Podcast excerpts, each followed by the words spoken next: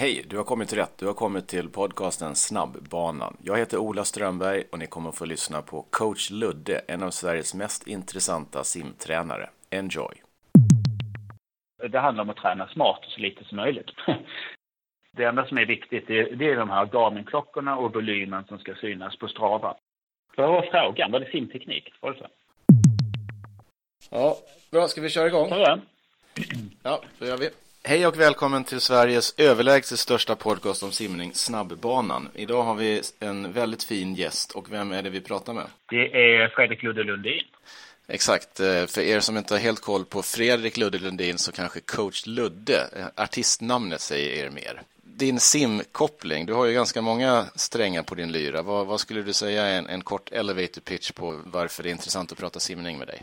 Ja, jag är väl en av de få i Sverige som har koppling både till bassängsimning och öppet vattensimning på både elitnivå men också på motionärsnivå. Och har även en mycket framgångsrik simkarriär, egen simkarriär bakom dig, då du var förmodligen en av Sveriges gnetigaste simmare, det kan man väl säga. Ja, men det var ju så pass länge sedan, det är 20 år sedan. Ja, så, att, så eh, det är preskriberat. Jag inte in den längre. Ja, Nej. det är det verkligen.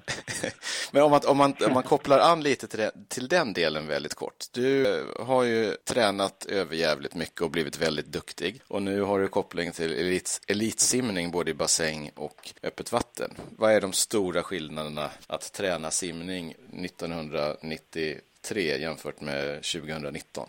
Eh, Pratar man elitsimningen på toppnivå eh, på, skulle jag nu säga att man tränar smartare nu. Det är inte så mycket brus i träningen på samma sätt som det var på kanske då 80-90-talet. Så man försöker filtrera bort så mycket som möjligt så det blir en effektivare träning i sig. Och tittar man på öppet vattensimning så, så kan jag alldeles för lite vad som hände då under 80-90-talet. Och det var ju så pass nytt med öppet vatten också i Sverige åtminstone. Ja, jag antar ju att då på 70-80-talet kanske Sverige hade varit bättre i öppet vattensimning för att det då gnetades ordentligt och då hade vi varit bättre på 25K eller 10K. De som tränar på elitnivå nu, är det mer, du nämnde mer, mindre brus och mer fokus om man jämför simmängd eh, jämfört med eh, eh, dryland, styrketräning och sånt? Är det skillnad där också? Procentuellt så kanske det har i stort sett i samma balans sista 15 åren skulle jag tro. Eh, Men om man går tillbaka ytterligare, då, alltså 30 år, så är det, skulle jag tro det är rätt stor skillnad. Eh, Men sen är det såklart väldigt individuellt hur man tittar på det och hur man, hur man lägger upp sina veckoplaneringar. Och, och också såklart i vilken ålder man är i och den biologiska utvecklingen. Vad ser du framför dig de närmsta 15 åren då? Vad tror du, om du ska spå in i framtiden, kommer vara de stora förändringarna inom simträning? Jag tror det blir ännu mer eh, precis, alltså ta bort ännu mer brus på det sättet att man kommer att bli mer noggrann i mä mätningar i träningen. Det kan vara exempelvis filmningar, eh, mäta olika punkter, hastighet, ingångar i dyk, det kan vara max VO2, tröskel, att få mycket, mycket bättre mätverktyg. Som exempelvis som finns i eh, både i cykel och löpning så använder man ju väldigt mycket den här klockan och får ett mer precis mätverktyg som gör då att du kan koordinera din träning bättre framöver. I simningen är det ju lite komplicerat jämfört med de andra idrotterna. Varför gör vi inte mer av det nu? Är det en kunskapsfråga eller är det en pengafråga eller vad tror du? Det är kanske en kombination. Dels är det väl så att vi är så, simningen så känns det som att det finns prylar där ute som är väldigt, väldigt dyra, i varje fall för, för simföreningarna att komma åt. Kunskapen att läsa av, den tror jag vi- kan lära oss ganska snabbt om inte den redan finns. Men sen är det ju också som när det blir digitalt och allting ska föras med information från A till B och sen ska det ut till slutkund egentligen, så vilket är simmaren. Den processen är inte riktigt i land, inom sim, simtesterna i varje fall. När man ser internationellt, är de bättre på den biten än vi eller är de på ungefär samma nivå tror du? Men man pratar runt med tränare som, i Sverige som håller en hög, eller väldigt mycket erfarenhet internationellt. De säger ju att det är ungefär samma nivå som i Sverige. Det är den känslan jag får. VM i sommar i Sydkorea så är det ganska få simmare som har kvalat in och jag tror inte att det är någon som är född eh, på 2000-talet eller senare. Varför tror du att det är så? Är vi inte bättre eller är kvaltiderna för hårda? Jag tror ju så här att när man sätter hårda kvaltider så anpassar sig simmarna till det om de är beredda att göra insatsen. Eh, Så det handlar egentligen om att göra insatsen under lång tid innan. Är det så att vi, det är för få som är beredda då helt enkelt alltså? Ja, jag tror det över lång tid. Mm. Man är kanske beredd att göra det under ett års tid eller två års tid, men inte den här processen från att man startar nu är 15 år och sen så håller man en kontinuerlig bra träning över 15 års tid. Mm. Den, eh, det, den horisonten tror jag är svår att se. Det har det alltid varit för ungdomar, men jag tror faktiskt svårare idag eftersom det är mycket andra saker ut som är lättillgängliga och kanske roligare i vissa lägen. Just den här rolighetsfaktorn, vad tror du att vi behöver förändra inom svensk simning för att det ska vara roligare om vi måste göra något? Ja, men jag tror du Vi pratade lite grann om det här innan med mätverktyg på olika sätt. Eh, I Neptun då så jobbar vi just nu väldigt mycket med Tempo Trainer och eh, det var Justin Shields som är vår ungdomstränare som tog med sig det från ett universitet i USA där han jobbade. Eh, så väldigt mycket med Tempo Trainer, ett bra verktyg. Tydligt, direkt, att man orkar hålla kvaliteten i, armtagen och frekvensen eller inte. Snabb reflektion direkt tillbaka till timmen. Så den typen, alltså att man kan egentligen få snabb respons tillbaks det tror jag kan vara någonting som eh, så får alla bli mer nyfikna på idrotten. Du som då har koll på föreningsidrotten här, du nämnde lite att eh, ungdomar kanske inte är beredda att satsa så länge. Det är också väldigt många inom simning som slutar tidigt. Ser du någon trend att de slutar ännu tidigare eller är det likadant som det alltid har varit? Jag tror det, om jag jämför sista 20 åren, så kanske 30 åren, så är det ungefär samma skulle jag tro. Mm. Ingen större skillnad. Mm. Um, jag tror att det är fler som kanske duktiga simmare som faller bort. Ehm, det vill säga de som inte når en tillräckligt hög nivå i junioråldern, de faller snabbare bort från, från svensk simning. Och det vill säga då, de som har fallenheten att kunna prestera på internationella banan under kanske fyra år framåt om de faller bort så blir ju tomrummet ganska stort till nästa, nästa steg, de som ska fylla på det. Är föreningarna medvetna om det här eller har man ändå tillräckligt många som håller på på en yngre ålder och det är där man får in en del cash tack vare simskolor och barn och ungdomsidrott så att det är okej okay om många slutar? Jag kan inte svara för Svensk Simning, jag kan bara svara på simklubben Neptun.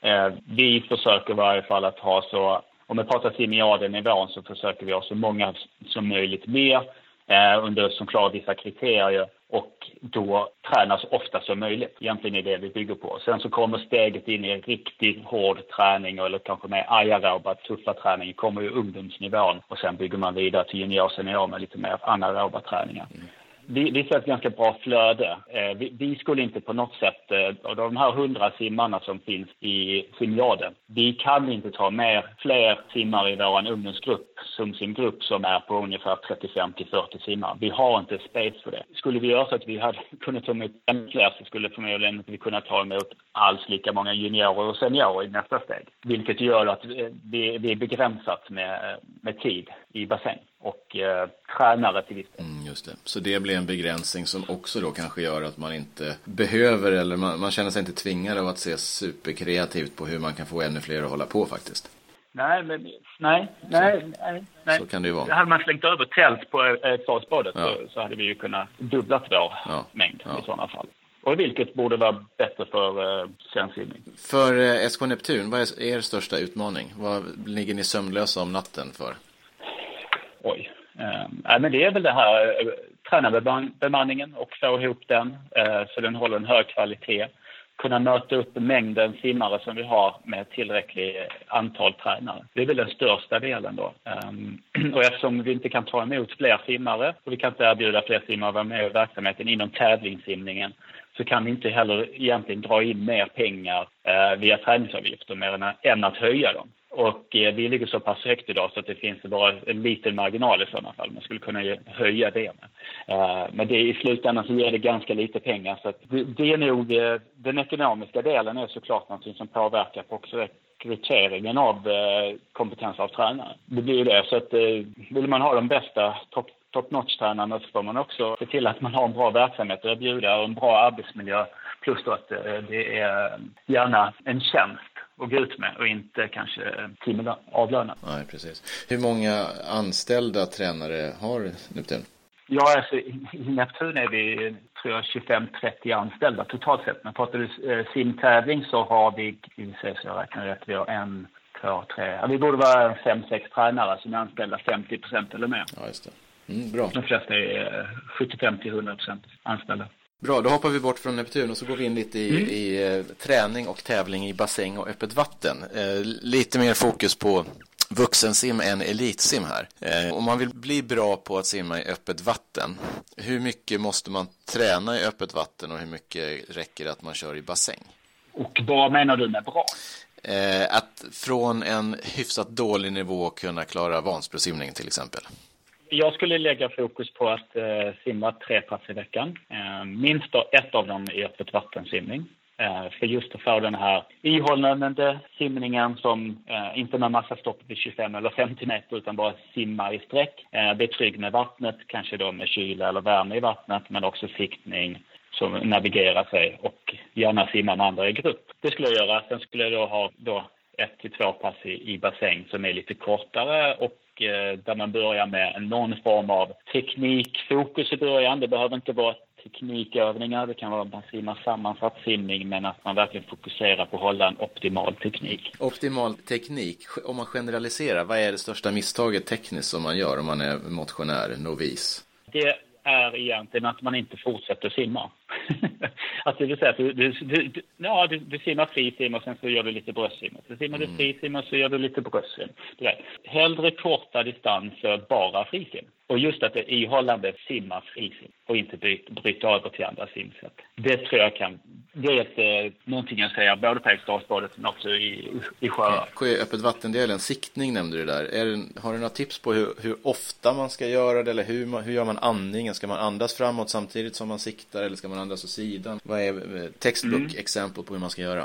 Ja, det finns ju en jättefin, det är någon kille som simmar eh, jag tror det var simregler som la upp en jättefin så här krokodilsiktning med andning åt sidan direkt efter. Det, det ska man kolla på. En fantastiskt fin mm. teknik. Ja, den var ja, jättebra. Jag, jag kommer inte ihåg vem det var. Riktigt, lite lite, tungt, eh, lite tungt vattenläge men bra siktning. Ja, men det kommer inte avtecknan för den ja, Exakt, det är sant. Ja, men det är väl lite grann det. Att eh, inte lyfta huvudet så högt i, i sittningen och andas åt sidan. Eh, man kan göra det direkt som du gjorde på den filmen, Jola. Eller så kan du också ha ett armtag emellan. Ehm, en annan sak är ju, eh, ju mer nybörjare du är simma i öppet vatten, ju sämre du vet att du är på sikta och navigera, ju ofta måste du navigera. Så det hänger ihop. Ju mer säker du sen blir på att simma rakt och ha en simteknik så att, att simma rakt på, eh, du vet att kanske vattnet är lugnt och du vet att några strömmar, då kan du ju sikta mer sällan. Just det. Men du kan, det är mycket viktigare att sikta ofta och du har en större möjlighet att hålla, tjäna tiden där än att du ska ligga och finlira med din simteknik vad det nu kan, kan du tjäna med en bättre simteknik 30 sekunder på en Vansbrosimning, det är jättebra. Men kan du tjäna att du simmar rakt tre minuter, ja det är ju ännu bättre. Det, det, finns massor av sådana exempel, så sikta ofta. Sikta ofta. Måste man ha våtdräkt när man kör öppet vatten? Nej, det är absolut inte ett måste. Eh, det hänger såklart ihop med vattentemperaturen i vattnet. Um, är det kallt där, um, hur länge ska du simma? Du kanske, har du en ambition att simma 10 minuter, då kanske inte du behöver en våtdräkt. Men har du en ambition att simma i 30 minuter i 50 gradigt vatten, då kan det ju vara läge med en våtdräkt. Mm. det finns speciella, man säger i alla fall att det finns speciella open water-glasögon, simglasögon. Ska man ha sådana vad har man för mm. nytta av sådana i så fall? Ja, jag tycker man ska ha det. Det blir oftast blir det ett bättre ljus i, speciellt i våra klara, härliga, fina sjöar som vi har i Sverige så vill man gärna ha det ljuset man kan få. Ehm, det är en del och sen så blir det också bättre synfält igen. Så du, bättre, du kan se åt sidan lite mer, du kan se upp och ner i de här glasögonen bättre än du gör i de här som du simmar i pool med. Mm. Så det tycker jag absolut, det är en bra investering. Eliten som kör öppet vatten, hur mycket tränar de i öppet vatten och hur mycket kör de i bassäng? Har du koll på det? Det, det är ju liksom ett surr egentligen som går att eh, de tränar väldigt lite i öppet vatten om man tittar då rent internationellt. Så att, eh, vad lite är det vet jag inte, men jag skulle tro liksom, kanske en gång i veckan i öppet mm. vatten. Eller när säsongen tillåter så kanske man simmar en gång i veckan. Annars sker det i pool då, men då, då pratar vi ju om eh, simmare som har kanske tio års erfarenhet från poolsimning. Eh, de är aerobt duktiga, de har simmat Eh, Eh, de har en erfarenhet i öppet vatten eh, kanske i fem, sex år. Så de vet hur öppet vatten funkar. Så det är ingenting de kom på. Nu är det att jag bara ska simma en gång i veckan. Så det kräver ju såklart att man, eh, man har simmat öppet vatten mycket. Så ju yngre man är, ju, ju yngre man är, ju mer öppet vatten. Ju äldre och mer erfaren man är, ju mindre öppet vatten. Mm. Tekniskt sett, är det någon skillnad på hur en motionär eller en elit simmar i bassäng jämfört med öppet vattensimning? Ja, men det var också den där filmen med siktningen här på den här mm. killen som han, han är ju en form av motionär skulle jag säga. Elitmotionär. Han, han var ju kanske eh, Nej, det finns inte det. Antingen motionär eller så är det elit. Fan också. Den, den går jag inte på. Ja, nej, där är jag bestämd. Det finns ingen gråzon där tyvärr. Uh, men, uh, nej, men såklart det finns skillnader. Vad var frågan? Var det simteknik? Ja, simteknik. Uh, har man kortare armtag i öppet vatten, vilket man kanske kan tänka sig om man, ja, eller har man längre armtag mm. och det är vågigt och ja.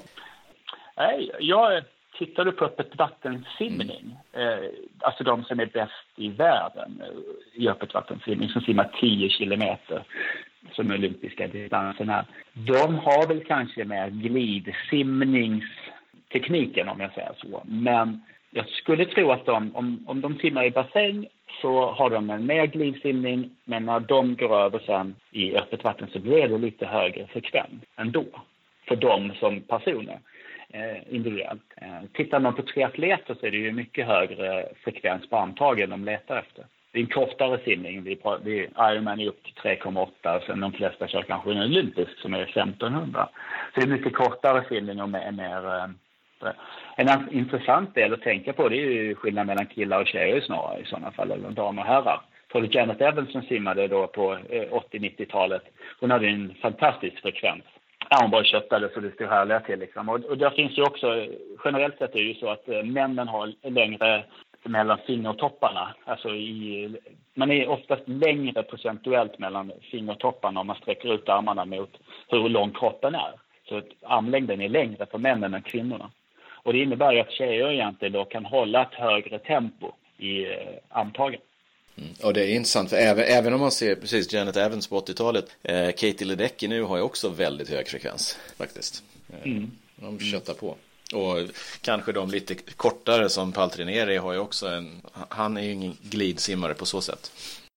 Nej, faktiskt. Det är, det, det är en annan sak också i det, om man tar, beroende på hur vattnet ser ut. Och har du en glidsimning och, och du har strömmar eller motstånd på något sätt så påverkar ju det. Du flytt, har du glidsimning så har du ett mindre moment. Det tar längre tid innan du kommer till ett moment i mm. simningen.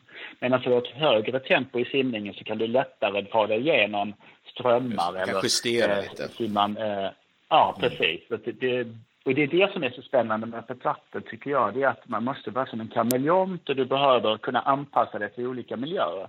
Och den ena miljön behöver inte se ut som den andra och den, då utmanar det och då får man tänka mm. till. Om du simmar och tränar, oavsett om det är i bassäng eller öppet vatten, så behöver du de bästa simprylarna. Allt det hittar du på tyrsverige.se. Det är snyggt, det är bra och det är väldigt prisvärt. tyrsverige.se. Shoppa loss! Triathlonsimning i öppet vatten, är det någon skillnad hur de ska bete sig? Ska de absolut inte använda benen för att de kommer använda benen så mycket i de två nästa grenarna om man säger så? Eller?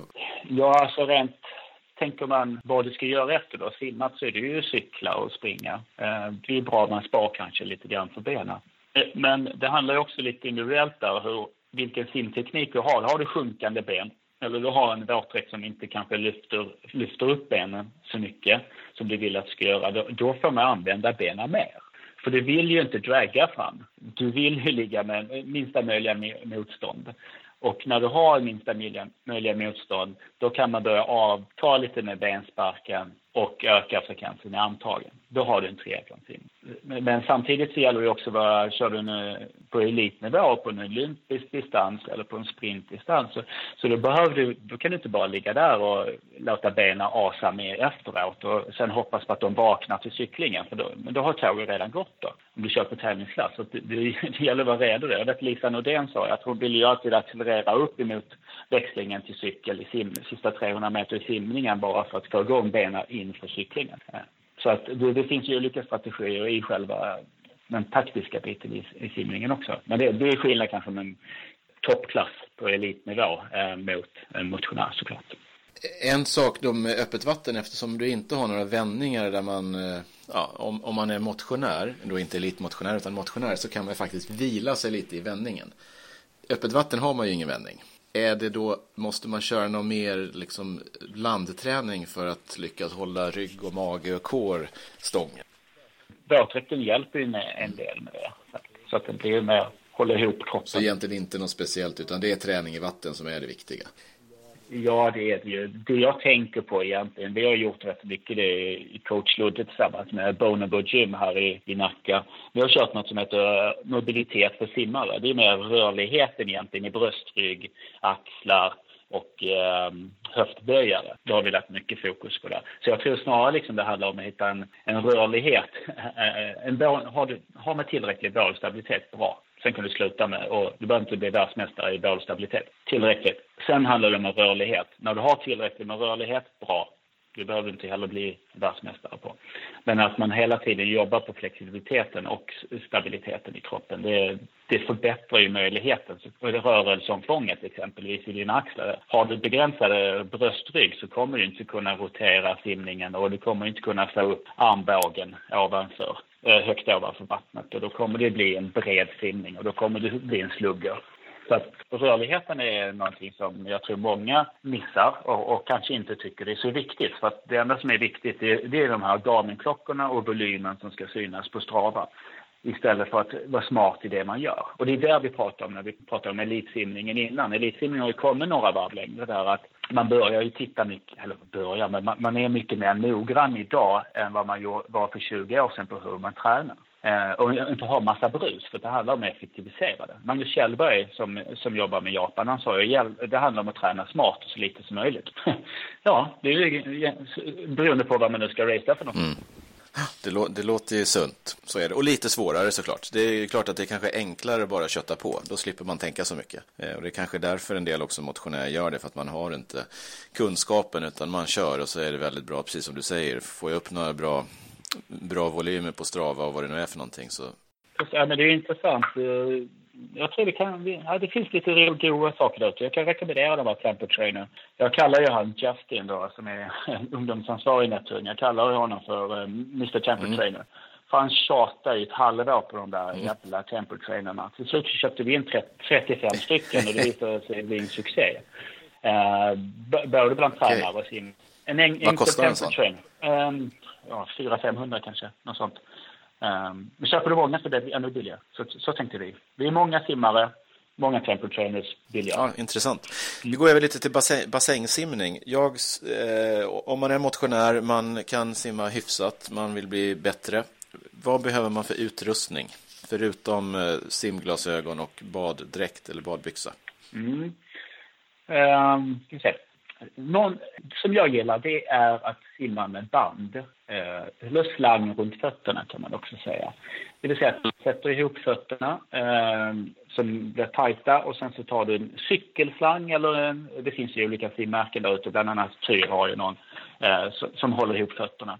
Och då, eh, så man får en hel överkroppssimning. Då kan man leka med det på olika sätt. Så minimera bensparken, sätta på den här slangen, så man inte får någon alls benspark och, och sen då jobba med paddlar eller utan paddlar på överkroppen. Vill man ha en dolme så kan man sätta dolmen egentligen ner vid fötterna eller vid knäna eller uppe i ljumsken. Det kan man välja, eller så kan man flytta själva. Så, så egentligen eh, är det de, eh, som jag sa nyss, eh, paddlar och gärna hellre för små än för stora så att man orkar simma med optimal och korrekt teknik. Eh, dolmen då också, inte för mycket flytkraft om inte man är swimrunner, när man är triatlet eller om man är e-simmare. Se till att den bara ger tillräckligt med flytkraft. Och sen så sådana band längst ner. Vill man göra det ännu bättre eh, och ta bort ett andningsmoment så kan man slänga på sig en snorkel. Och snorkeln är, det är också ett bra moment att använda i simtekniksövningar. Att ta bort själva andningsmomentet i, i sidovridningen så kan man fokusera mycket mer på de andra ja, bensparken exempelvis. Eller armtaget. Och benspark, finns det någon nytta med att ta fram en bensparksplatta och ligga och köra tråkig benspark? Ja, det gör det. Det gör vi nog för lite av om vi pratar elitsimning. Aj då. Uh. Ja, uh, jag skulle ju säga så att i tid, i volym, om man är en tävlingssimmare då ska du ligga mellan 20 och 30 procent av all volym du gör i vattnet. Så det blir ganska mycket i tid. Så, men är du en öppet vattensimmare eller en triatlet? Ja, delvis. Jag brukar göra så att när jag skriver mina program till mina kunder så, så lägger jag in benen i början av passet på, på insimmet. Då får man upp lite puls på det. Eh, det kan vara benspark med fenor också. Eh, oftast då så kör vi benspark med fenor på rygg. Eh, vi behöver ingen platta så behöver vi inte ta med det där. Så i början, det finns något som heter vertikalbenspark också. Det innebär ju att du står rakt upp och ner in till linan i bassängen eh, och sparkar. Eh, du börjar med händerna längs, längs kroppen, sen så tar du upp händerna till axlarna, sen så sträcker du upp händerna upp mot taket. Så det blir ett sätt att öka på belastning. Eh, börja med händerna längst ner och prova upp. Mm. Som elitsimmare ganska mycket benspark och det ser man ju också på de, ja, alla som simmar. Kicken, bensparken, in, mm. ja, ut från vändningar är ju en enorm skillnad de senaste 20-30 åren. Så det är klart att det är nästan fem, femte simsättet, speciellt om man kollar på Yards bassäng i USA. Ja, just det. Men man säger ju att eh, själva farten som, som det ger i eh, frisim, eh, tekniken då, så bensparken ger ungefär 10 till 15 procent av all fart. Så det innebär att mellan 85 och 90 procent genereras av överkroppen. Så att det genereras av överkroppen, men bensparken är ju en stor muskelgrupp och eh, den hjälper inte bara till liksom, att generera fart, den hjälper också till att, eh, att rotationen finns med. Eh, att du kan stabilisera simningen att benen inte sjunker exempelvis. Så att det, det, finns också en teknisk aspekt i det. Så, men, men jobba upp en benspark tar ju, tar ju ungefär 6 till 8 veckor hård insats på bensparken. Sen, sen är du där. Så det gäller bara att välja. Man måste, även som motionär så måste man göra jobbet alltså. Det finns inga shortcuts. Nej, Nej. Det är sällan Nej. det finns det. ja. Du, eh, en te te simteknisk fråga andning, eh, finns det någon nytta av att andas åt bägge hållen eller ska man bara köra åt ett håll om man tycker att det är skönast? Eh, pratar vi bassängsimning så, så tycker jag att man ska alternera båda sidorna eh, i, i träningssituation så att man, man får en jämn rytm i simningen och man behåller där simtekniken på ett bra sätt. Det behöver inte hela passet men det kan vara en viss del av passet man kör båda sidorna och i en viss del så kör man kanske åt favoritsidan. Och oftast är det faktiskt så här som jag har sett när jag gör, speciellt med motionärer som upplever att ja, min, min favoritsida är vänster. Det jag har sett genom åren det är att för, vänstersidan är den sämsta som är favoritsidan. Så, så den, den sidan de upplever som motion, motionären upplever som bästa andningssidan, den är den sämsta. För den tar lång tid och man tar för tid på sig och andas och andningen blir hög och man kanske tittar bakåt eller tittar framåt. Och så har man någonting som är en favorit så är det lätt att man går in och naggar på den. Den kanske var favorit för två år sedan men man har naggat på den så att man hela tiden gör det, öppnar upp fönstret så det blir större och större och större. Eh, ha olika sidor och vara lika bra på båda sidorna. Absolut. Pratar vi öppet vattensimning, det säger sig självt. Hur ska man ha kunnat kontroll på vad som händer runt omkring sig om man, man bara andas åt en sida? Precis. Mm. Ja, bra. Eh, om man ska köra själv och inte är med i en grupp, har du något tips på någon bra serie i bassäng för en medelmotionär? Oj. Jag satte du mig på spiken. En medel... Alltså, vad säger jag? Är det en vansportsimmare på 50 minuter? Ja. Det är kanske ganska bra. Nej, det är sådär. Nej. Ja. 1.02 är snittet, så han eller hon är bättre än snittet. Okej. Okay. Mm. Eh, nej, jag, jag gillar ju den här serien. Det är att man simmar 200 meter på, jag kallar det zon 2, men det är konditionsfart. Eh, vila ungefär 20 sekunder och sen kör man 4 gånger 50 som är progressivt 1 till 4. Och då börjar du på konditionsfart och så går upp till en eh, nästan maxfart på de här progressionen i, i 1 till 4. Och så gör du det, vad vet jag, åtta varv kanske. Det innebär i den här serien att du har 200 som är kondition. Vi kör 450 där du börjar på konditionsfart och accelererar upp det och, och vänjer dig vid en högre belastning. I högre belastning för andning, det vill säga att när man börjar andas snabbare, vad händer med min teknik då? Men också att kroppen rent fysiologiskt börjar vänja sig vid att man inte bara slösimmar man simmar lite fort också. Och de här 50 kan man eh, vila alltifrån 10 till 30 sekunder egentligen, beroende på vad man har för bakgrund. Ja, bra. 8 gånger 200 plus 450. Det är 3 och 2. Det är lagom. Och så lite insim och så kanske lite ben om man är ambitiös också. något sånt. Bra, då vet vi det. Om man ska tävla och bor i Stockholmstrakten, då känns det som att coach Ludde har någonting nytt på gång i år. Stämmer det? Så det har ju ganska mycket som händer hela tiden. Nu går vi ju över här på öppet vattensäsongen. Så att, eh, det, det, det, som är nytt för i år det är att vi kör något som heter Stockholm Open Water Pass. Det innebär att man eh, köper ett pass eh, som, där får man fri tillgång till alla våra träningar.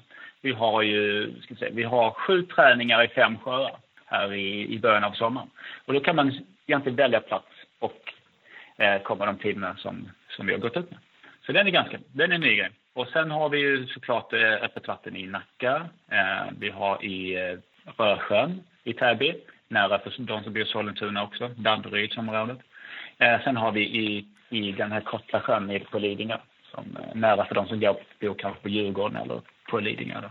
Så det är väl det. Och sen har vi massor av sim-PT om man vill köra själv eller om man kanske vill göra som en duo så kan man göra det också. Bokar man in sig där. Och sen har vi sköna äventyr.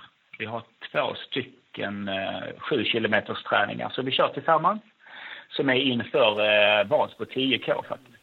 Okej, okay. så då måste, hur, hur, bra måste man vara då? Man måste kunna simma i en timme i sträck eller två timmar i sträck eller vad? Exakt, att eh, man ska kunna simma 2000 meter i sträck utan vila.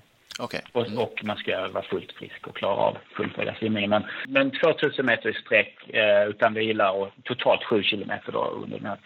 Det tar, vi, vi kommer väl ta tre timmar på oss högst, skulle jag tro. Ja, och då får man lite fika, fika och kaffe också. Men det är väl klart, fika och kaffe måste man ha. Ja. Det, det blir kul, ja. det blir skithäftigt. Och då, det blir en överraskning också. De vet, ni som anmäler er, ni vet inte var vi på att simma, så ni hamnar kanske på ett nytt häftigt ställe och simma. Så kan det bli. Ja, men bra. Sök efter coach Ludde på Facebook, Google och vad du nu har för eh, webbmöjligheter. Så är det både träning och tävling. Du har ett gäng olika tävlingar också under sommaren om man vill mäta sig mot sig själv och andra. Mm. Och kanske även eh, Snabbbanans podcast dyker upp och gör livet surt för någon, drar någon i benen eller något sånt. Kan, får jag säga någonting där om de här öppet vatten-tävlingarna vi kör? Ja, det får du. Jajamän. Eh, Stockholm Open Water Cup, det är fem stycken deltävlingar hela tanken med den är att det ska vara som en träning. Det ska skapa, det är ett tävlingsupplägg, men det ska skapa en trygghet för dig att kunna simma i grupp, komma dit och förbereda det som det skulle vara en tävling. Det är såklart schyssta priser. Vi delar ut, eller lottar ut eh, schyssta priser på olika samarbetspartners. Och så, eh, så det kommer bli en fantastisk eh, tillställning, jag hoppas på det. Det är väl ungefär 35 anmälda nu, så jag, jag, hoppas verkligen på, på det blir några till, så vi får till den här tävlingen på ett bra sätt under hela sommaren. Och är man riktigt, riktigt snabb så kan man vinna prispengar faktiskt, om man är, tillhör de snabbaste i Sverige. Och, och även om man inte blir de snabbaste så kanske det finns lite eh, priser som lottas ut? Ja, precis. Ja, men det, det kommer att bli från Trisport, det kommer någon eh, från Tyr och sen så kommer, jag tror på några av ställena så har vi en plan på att man ska få prova på stand-up paddleboard också. Så det finns ett, eh, en affär, eh, butik ute i eh, Kungens Kurva som heter Surfsport. De kommer att vara då med som funktionärer och med på SUP så att vi har en säkerhet kring tävlingen. Och då kommer det också finnas möjlighet att prova SUParna sen för de som vill. Just det. Mm. Ja, vad spännande. Mm. Bra, jag är jättenöjd. Är du, är du nöjd? Jag är jättenöjd. Jag är alltid nöjd med dig, Ola. Det är alltid lika trevligt att snacka med dig. Ja, tack. Mm. Bra, Ludde. Nu stänger jag av här. Tack så mycket själv. Hej. Hoppas att du tyckte det var lika intressant som jag att prata, eller ja, du pratade inte, du lyssnade ju på coach Ludde. En man med många strängar på sin simlyra. Vi avslutar med två stycken konsumentinformationer. Den första är en fråga faktiskt. Vill du bli smartare än du redan är? Ja, jag tänkte väl det. Då ska du läsa böcker. Det är dagens tips. Gå till Nextory, nextory.se. Ladda ner appen och du kan testa utan den minsta lilla kostnad att läsa och lyssna på e-böcker. Det största och det bästa utbudet av e-böcker och ljudböcker i Sverige. Nextory kallas det alltså. Den sista konsumentupplysningen idag handlar om sim och badkläder. Du hittar de snyggaste och bästa och mest prisvärda på tyrsverige.se. Det kanske du redan visste. Är du Katie Ledecky och snabbast i världen, då använder du Tyr. Är du coach Ludde och en av de absolut bästa simtränarna, då rekommenderar du också Tyr för att du vet att motionärerna gillar Tyr. Det är bäst kvalitet, väldigt prisvärt och dessutom är det snyggt. Gå till tyrsverige.se så hörs vi nästa gång det är podcastdags. Och glöm för all del i världen inte reglerna. ja, de regler som du faktiskt måste följa om du ska platsa på snabbbanan. Alla simregler hittar du på just simregler på Facebook. Tjingeling!